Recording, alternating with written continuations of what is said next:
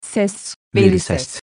Post-truth. Post-truth kelimesindeki post örneki, bu spesifik kullanımında, genel kullanımının aksine bir olay ya da vakadan sonra gerçekleşen anlamında değil, önüne geldiği kavramın artık önemsiz ya da gereksiz kabul edildiği bir zamana ait manasında kullanılıyor. Yani, post-truth politics dediğimizde, doğruların, hakikatlerin, olguların önemini yitirdiği bir dönemden bahsetmiş oluyoruz. Post-truth, bu güncel anlamında ilk kez 1992 yılında, Sırp asıllı Amerikalı oyun yazarı Steve Tessage in The Nation dergisinde yayımlanan yazısında geçiyor. Post-truth kelimesinin bundan önceki kullanımları genelde gerçek anlaşıldıktan, hakikat ortaya çıktıktan sonra anlamında olmuş. Kelimenin yaygın şekilde dolaşıma girmesi ise, Ralph Keyes'in 2004'te basılan kitabı The Post-Truth ile olmuş. Oxford Dictionaries, İngilizce'de 2016 yılının kelimesi olarak post-truth'u seçti.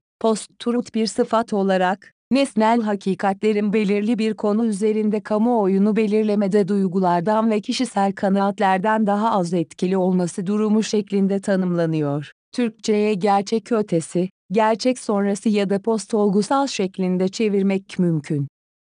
Veri. Ses, Veri veri ses. ses.